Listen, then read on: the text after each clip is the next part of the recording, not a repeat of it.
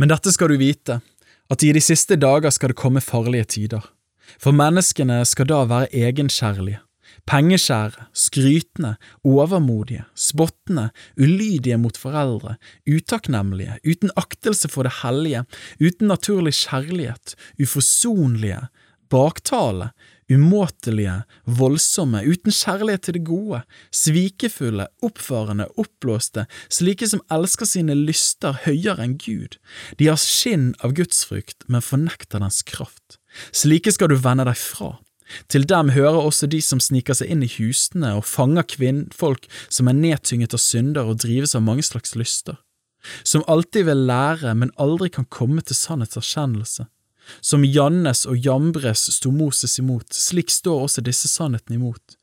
De er fordervet i sitt sinn og holder ikke mål i troen. Men de skal ikke ha mer framgang, for deres dårskap skal bli åpenbar for alle, slik det også gikk med de to jeg nevnte.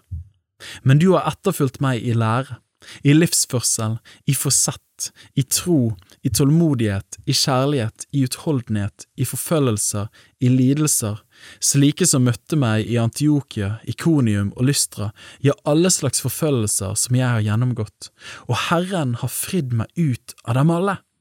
Og alle som vil leve gudfryktig i Kristus Jesus, skal bli forfulgt. Men onde mennesker og bedragere går fram til det verre, de fører vill og farer vil. Men blir du i det du har lært og er blitt overbevist om, du vet jo hvem du har lært det av.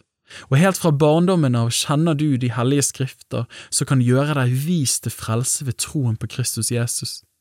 Hele Skriften er innåndet av Gud og nyttig til lærdom, til overbevisning, til rettledning, til opptuktelse i rettferdighet, for at Guds menneske kan være fullkomment, satt i stand til all god gjerning.